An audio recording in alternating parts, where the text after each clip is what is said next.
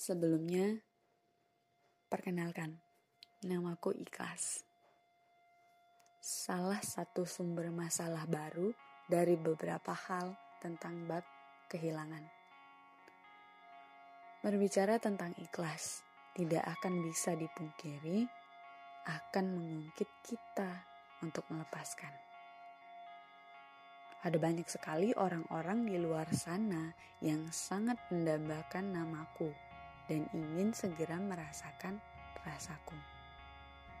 Tapi tak banyak orang juga berpikir bahwasannya melepaskan adalah satu-satunya cara agar tidak tumbuh masalah baru.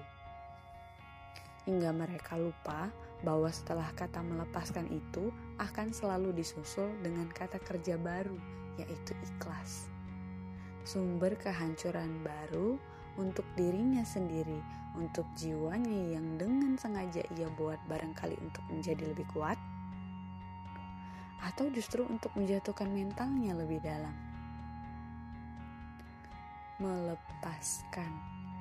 Aku pernah bertanya pada salah satu hari di kalender tahun lalu.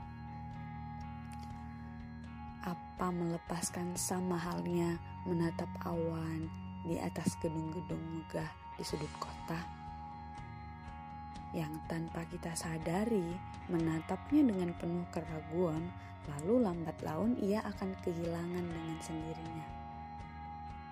Atau barangkali ia juga bisa menjelma semacam mendung di sela-sela awan, dan ternyata ia sedang membawa badai di pundaknya untuk ditumpahkan ke dasar bumi melepaskan, dan ikhlas. Sejauh mana aku menafsirkan keduanya, tapi tak juga kutemukan ujungnya. Mereka berdua selalu punya sisinya masing-masing dalam kehidupan.